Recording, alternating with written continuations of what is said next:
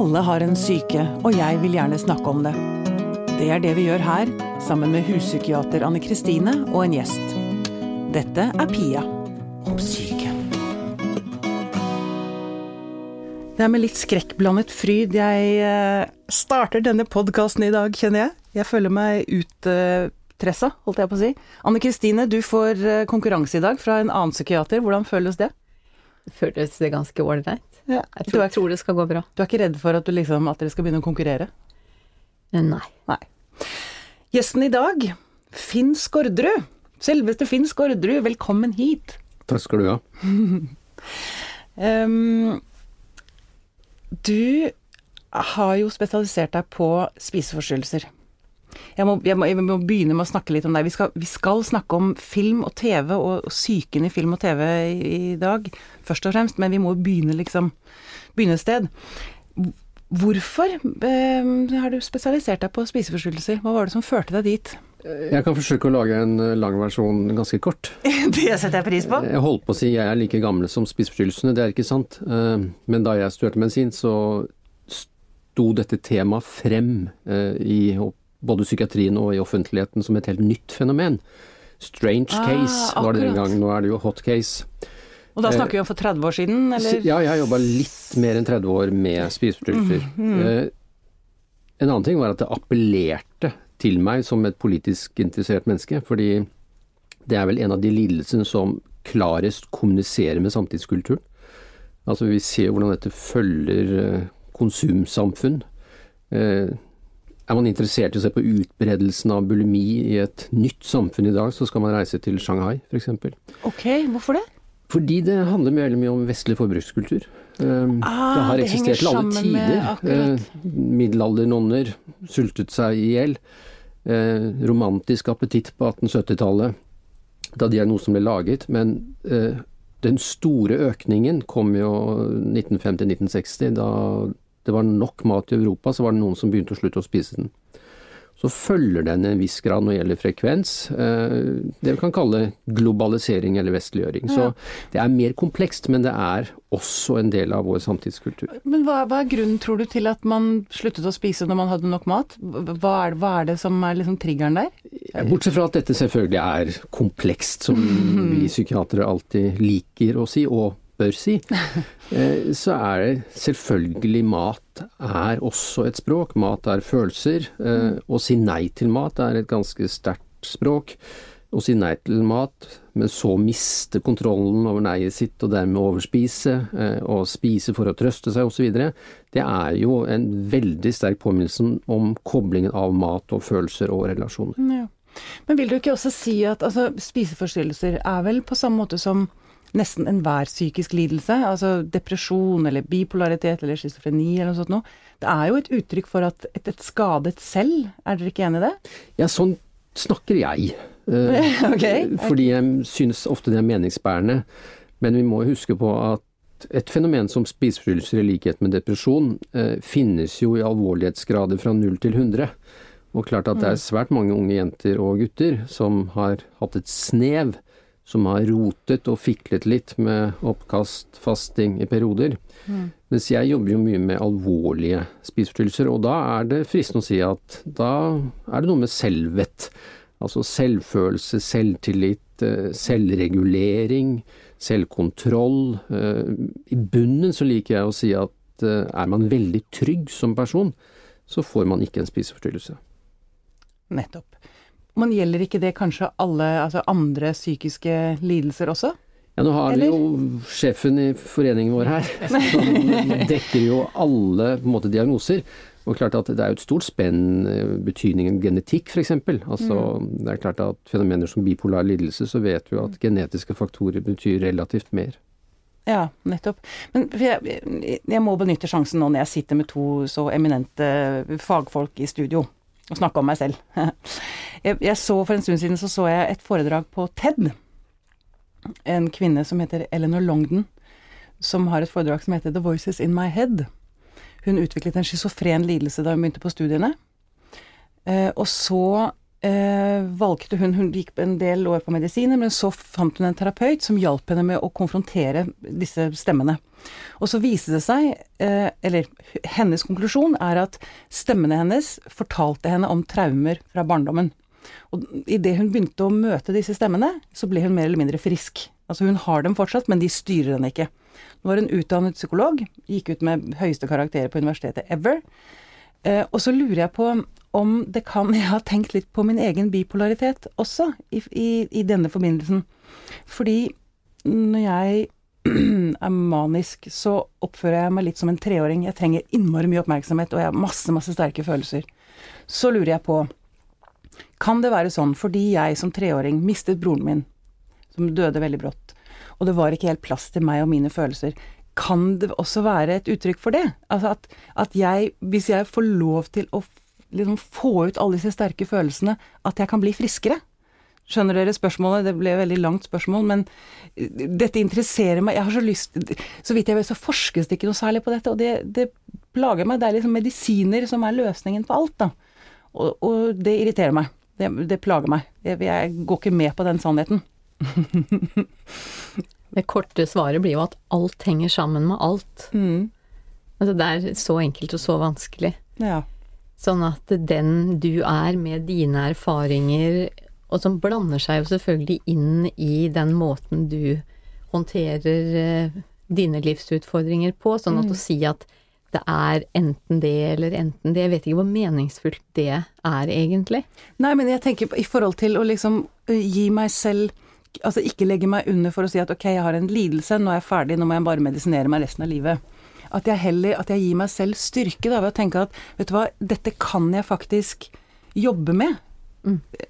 Ja, så nå snakker vi om en par ting. og Det ene er jo at du har en konkret hypotese om ditt eget liv. Ja. eh, Og tre år gammel osv. Og, så videre, og mm. vår måte å møte det på hadde vel vært eh, Ja, men det er interessant å snakke om. La oss utforske det. Vel å merke Vi kan ikke konkludere.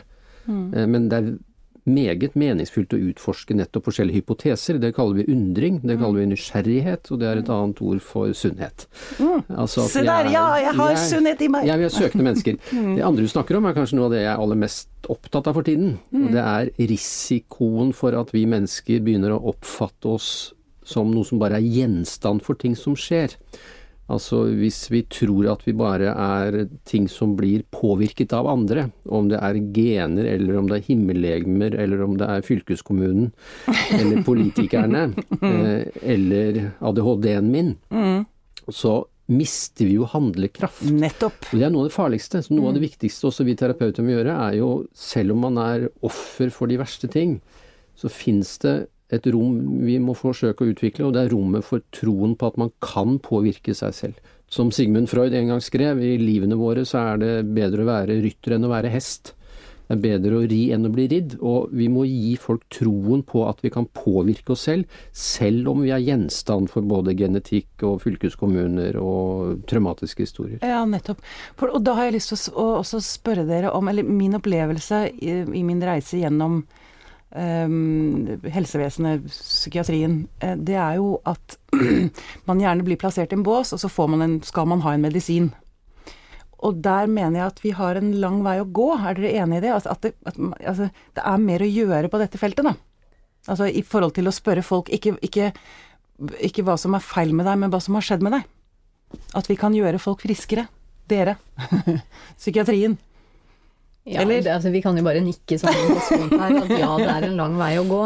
Og det som Finn sier, det med å undre seg. Altså, vi må fortsette å være nysgjerrige eh, på mennesker, og på hva Og ikke minst hva, hva slags funksjon eh, enkelte symptomer, eller hva man skal kalle det, har. Det har jo vi snakket litt om før.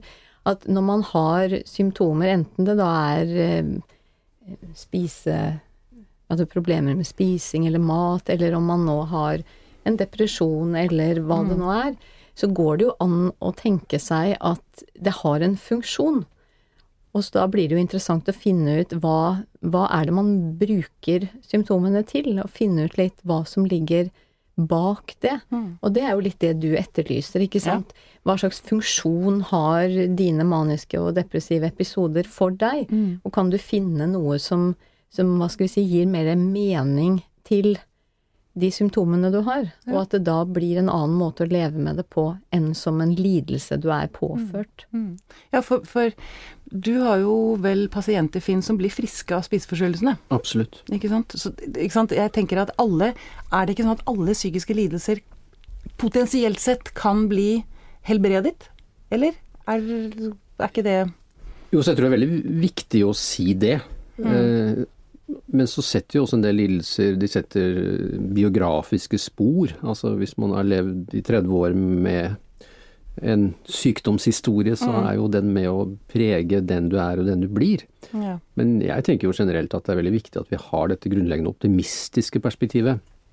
Og vi skal ikke drive ordkrig, men eh, jeg blir alltid veldig nervøs når folk begynner å bruke ordet kroniker eller behandlingsresistent. Da syns jeg det er Behandlingsresistent, ja, da ja, det er jeg det er skummelt. eh, fordi at eh, språk konstruerer virkeligheter, og Mm. da kan jo sånn at det fort kan bli selvoppfyllende profetier.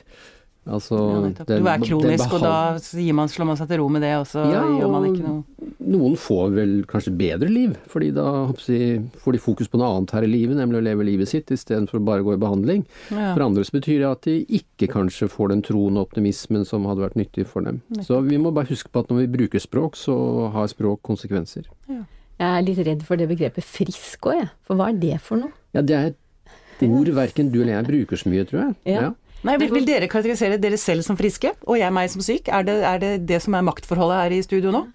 Altså, jeg, jeg bruker ikke det ordet frisk, for hvis jeg skal si at jeg er frisk, så tenker jeg jo at jeg først må kjenne etter alle mulige ting. Og da vil jeg jo helt sikkert finne et eller annet som ikke er liksom 100% Så det der eh, Vi bruker jo i psykisk helsevern så bruker man jo en sånn eh, si, funksjonsskala som er sånn Global Assessment of Functioning. GAF. Og da er det sånn, jeg tror, jeg tror ikke jeg har møtt noen jeg, som har gaff på 100, som er toppscore. Ja, hva er gaffen din på?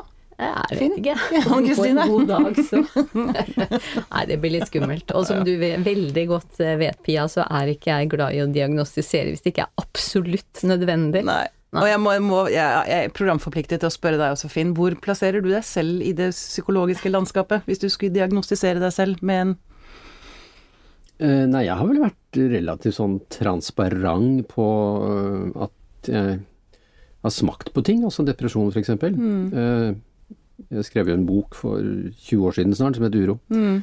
Som er jo et slags selvportrett, største deler av det. Eh, Så det syns jeg ikke er noe mystisk å snakke om. Og jeg tenker at liksom det også har brukt antidepressiva er i seg selv en slags nyttig erfaring for å vite noe om det. Eh, Men jeg har ikke noe behov for å blafre med det utenfor de sammenhengene hvor jeg syns det er nyttig. Men altså, jeg tror det er et slags russisk ordtak om at du våkner en morgen og ikke har vondt noen steder, da er du død. Eh, altså det er klart at Ja, er eh, smerte er jo grunnleggende en del av det å være i live. Ja. Så det handler om oppsi, hvordan vi kan leve med det som gjør vondt. Eh, Så det er viktig for helse. Altså, jeg er helt enig, frisk er et ord som jeg sjelden bruker. Helse er et ord. Og helse er jo annet evnen til å kunne stå imot belastninger. Og noe av det som er mest helsebringende, er å klare å omgi seg med ganske ålreite folk. Altså at man har relativt gode relasjoner rundt seg. Så det er det som er skummelt med psykiatri, at nesten enhver form for psykisk lidelse rammer relasjoner til andre, og da kan du risikere å få onde sirkler fordi at du blir sittende igjen ensom. Ja, ikke Altså. God helse er jo ofte at du har vekk. et uh, godt familie- og vennenettverk rundt deg, for da tåler du enda mer. Det syns jeg er livets uflaks, at du Mm. blir sittende der med lidelse og ensomhet. Ja. Og det er vel kanskje noe av det som er noe av det viktigste, at man henter frem det der motet. At man ikke isolerer seg. Ja, og Jeg kjenner jo den trangen selv innimellom. Når jeg ikke føler meg så på høyden, så stikker jeg Ja. av. Og Og uten at vi leker med ord, da, så liker jeg å si at mot er ikke en personlig egenskap. Mot er ofte en egenskap ved relasjoner. Altså det er ofte andre, som terapeut eller som venn, som vi kan gjøre at en annen kan bli mer modig til å våge å gjøre ting man ikke gjør. Altså, hva sa du at andre skal Mot er ofte omtalt som en egenskap man har. Ja. Mot er ofte en kvalitet ved andre, nemlig at de gir deg tillit til at du kan prøve deg. Ja, F.eks. i terapi så akkurat. prøver jeg å inngi tillit til at en annen person kan vise sider av seg selv som man ofte ikke våger å viser. Som man er Da er man redd redd for. for å bli avvist, f.eks. Ah, nettopp. Så mot er jo også et parforhold. Nettopp, men dette kan venner og familie også egentlig praktisere, holdt jeg på å si, hvis de har en, en rundt seg som, er, som sliter med ting? At, man, at, at det er mottakeren som skal være, vise motet? Jeg syns jo stort sett at venner og familie er bedre enn eh, terapeuter. Men det er jo de samme mekanismene. Det er jo det. Ja. Og mange har jo kjempenytte av tolerante og åpne, kloke venner. Ja, bra. Det er bra. Det er en god ting med livet. Da skal vi um, vri over til uh, hovedgrunnen til at du er her, egentlig. Det er nemlig din interesse for psyken i film, og i TV-serier osv.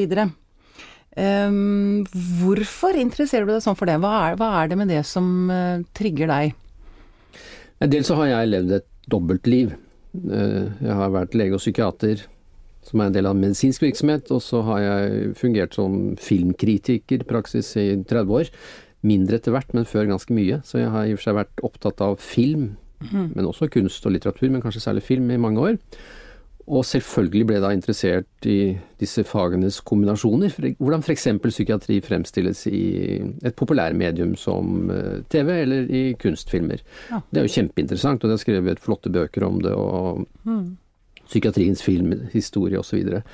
så så vi jo spesielt, da, eh, for noen år siden en bølge som på ett vis eh, kan sies å handle om Sopranos, f.eks. Altså hvor mafiabossen gjør det mest utenkelige av alt, nemlig å gå i psykoterapi hos en kvinnelig terapeut pga. angst. Og så er det jo litt sånn at dette mediet, av, også av kommersielle årsaker, smitter. Så da kommer det en depressiv der, og så kommer det en bipolar der, og så Ja, jeg ble veldig glad i Homeland. Det var en Ja. lykke. Heltinnen i Homeland har Ja. bipolar lidelse. Ja, så kommer det en asperger der, og så kommer det sånn. Saga Norén. Ja. Så klart at dette blir også trender.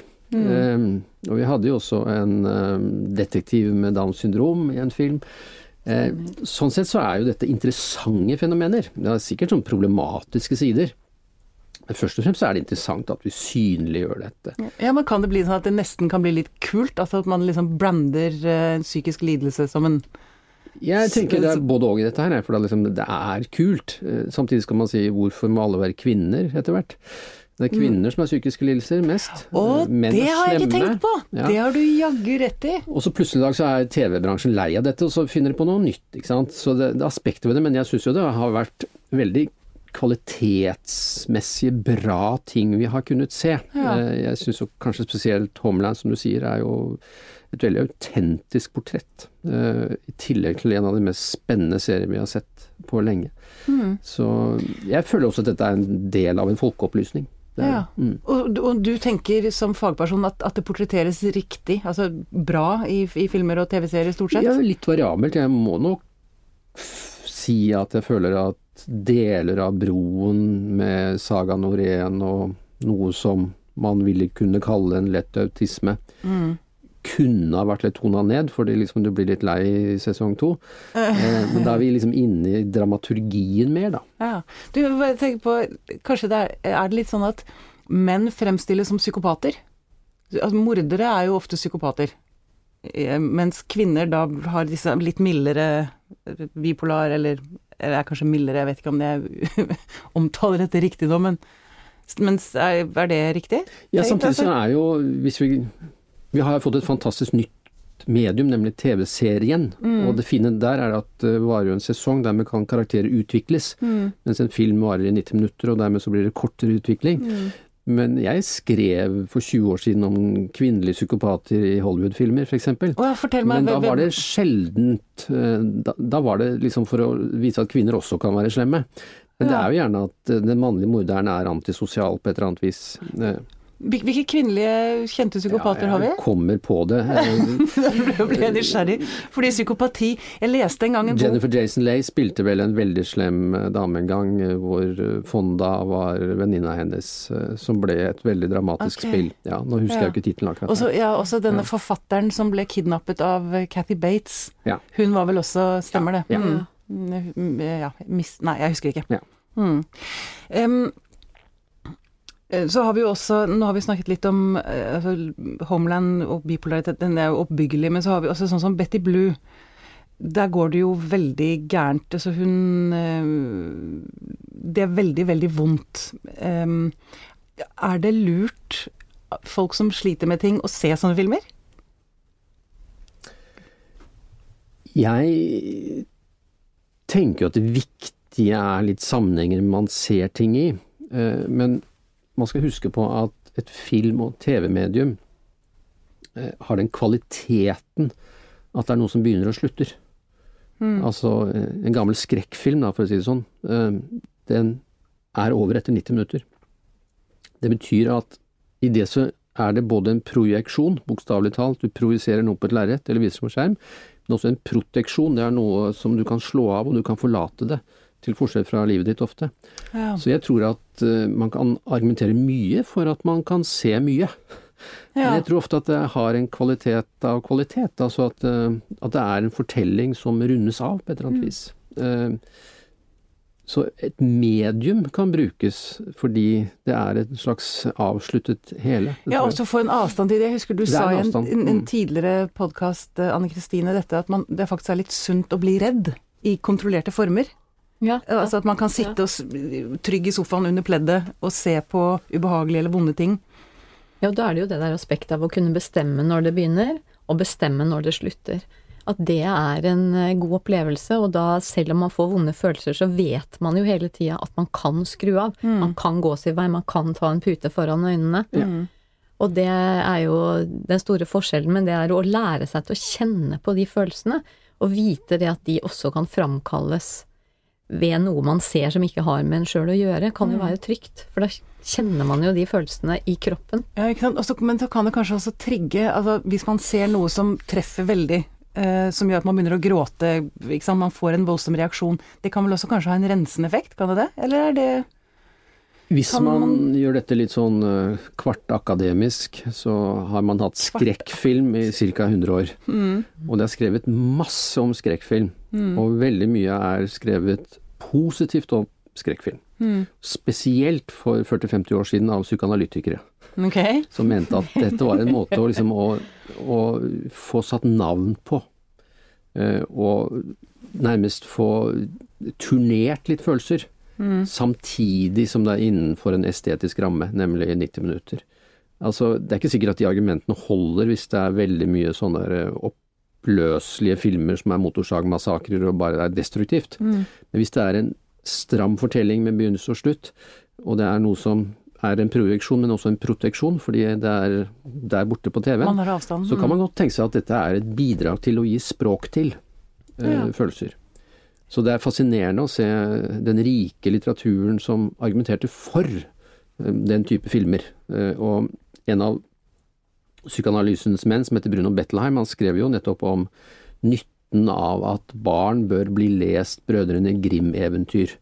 Eh, hvor man er slem mot hekser og folk dør osv. Fordi at eh, da skaper man oppsi et språk til de sammensatte følelsene, også de vanskelige og vonde.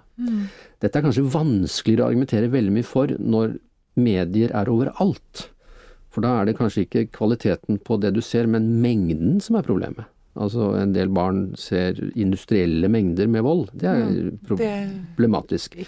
Men selve verket kan være nyttig selv om det er vondt. Men ser dere film for å lære om dere, i deres virke, liksom, som eh, behandlere? Det var kanskje ikke du behandler lenger, Anne Kristine, men Ja, men jeg ser mye film, men det er jo ikke nødvendigvis fordi at jeg tenker at jeg skal bruke det til noe spesielt. Men eh, sånn, knytta til det vi snakka om nå, så har jeg hatt stor glede av å se Game of Thrones okay. sammen med min 14 år gamle sønn. Fordi at det er ikke måte på hvilke eksistensielle spørsmål og hvilke store spørsmål som man kommer på når man ser noe som er eh, ganske dramatisk. Eh, Sånn som det å, å diskutere hva er fri vilje? Nå- Hvis du er født inn i et samfunn hvor du enten så er du tigger, eller så blir du prostituert, hvor selvvalgt er det å være prostituert da? Altså en del sånne spørsmål som jeg tenker at vi kanskje ikke ville ha kommet inn på eh, hvis vi ikke hadde sett det sammen. For det er ikke så naturlig å begynne å ta opp de temaene ved middagsbordet. Men når man sitter sammen i sofaen og, og ser på, på, film sammen, og det må jo være litt av, eh, av, poenget her, at hvis barn skal leses for eller ses, se skumle filmer, at det er trygge voksenpersoner som kan være til stede og oversette og svare på spørsmål og, og følge litt med hvordan, mm. hvordan det går. Mm. Og det er jo det man er sikra når man blir lest for. Og det er det vi kanskje har, som har blitt litt borte hvis barn ser veldig mye vold aleine. Ja. Så, så, er de jo mye Ingen å diskutere det med, det. Nei. Nei. Men du da, Finn, lærer du ting fra filmer og serier og sånn i ditt virke? Altså jeg må jo si at jeg lærer, hvis ikke så høres arrogant ut. Men jeg ser vel ikke film for å lære. Nei. Jeg ser film for å se film, mm. Eh, fordi det er en eh, glede. Mm. Eh, men jeg er involvert i forskjellige behandlingsopplegg rundt omkring i Nord-Europa, mm. hvor vi også driver en del såkalt psykopedagogisk arbeid. Altså lære om lidelser Dere bruker så mange fine ord, dere ja, psykiatere! Psykopedagogisk betyr vel læring, da. Mm. Eh, la oss si at du sitter med en gruppe. La oss si det at det er en avdeling for spiseforstyrrelser. Mm. Eh, og så har vi gruppe, og i dag skal vi diskutere følelser, f.eks. Da kan vi kjøre traileren på animasjonsfilmen Inside Out. Eh, fordi der er det morsomme beskrivelser av livet inni en hjerne, og hvilke mm. følelser som er sånn og sånn og sånn. Bruke hele kvarte biter av filmer, spillefilmer som går. Altså bruke populære medier og sette i gang diskusjoner. Og Sånn mm. sett så er det ofte en leken veldig nyttig måte å gjøre det på, for det er fellesreferanser som vi har. Mm. Uh, så vi har en kasse med masse DVD-er oppi. Eh, som vi håper vi kan bruke for å ta fram eh, f.eks. temaet misforståelser. Ja. Én føler seg avvist, mens den andre egentlig prøvde å si noe annet. Nettopp. Og så ser du på film. Så, ja, så kan vi snakke om alle misforståelsene vi mm. møter i hverdagen. Mm. Ja. Men du, Er det noe du savner portrettert i film, eller på TV-serier, når det gjelder psyken? Er det noe du lengter etter? Altså, jeg har to eller tre bøker på kontoret mitt som heter 'Movies and Mental Illnesses'.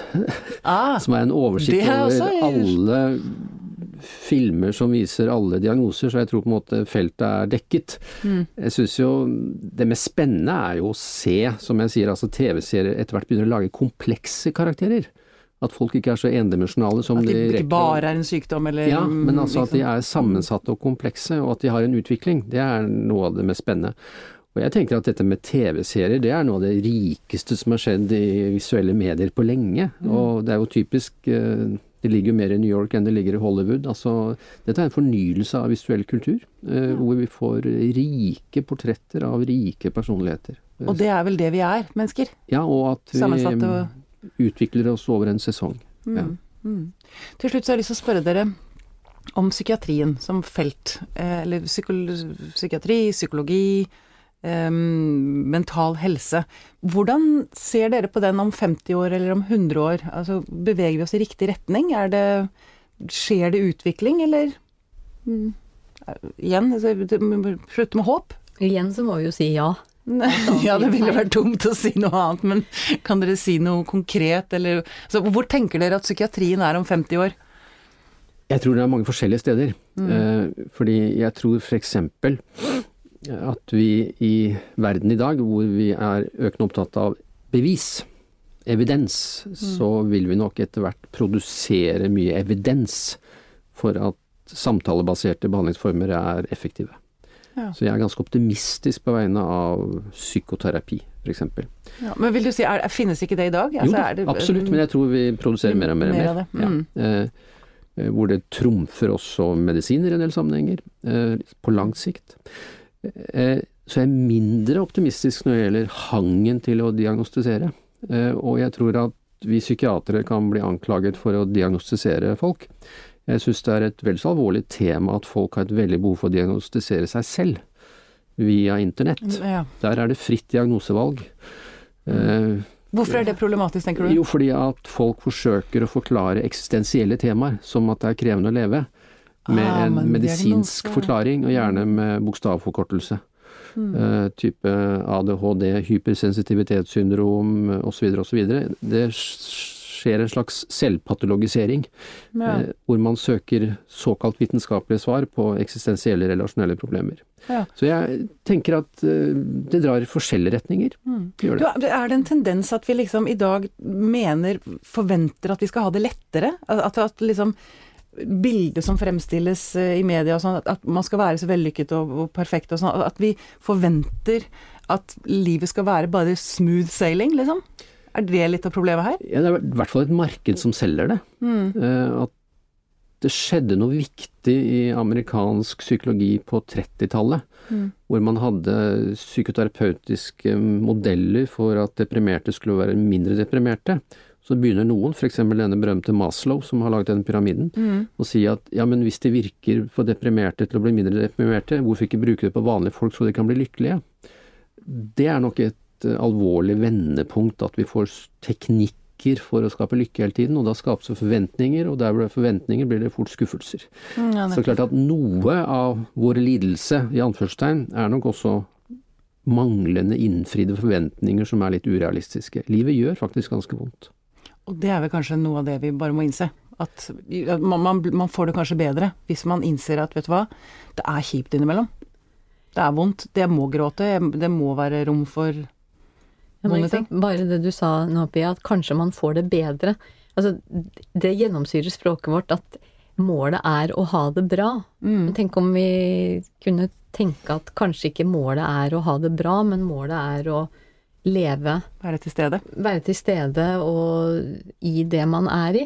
Altså, det blir jo det samme som å si det at ethvert altså Man vet jo det at ethvert eh, mellommenneskelig forhold vil ta slutt. For på et eller annet tidspunkt så er det noen som blir borte, enten ved at de dør eller forsvinner.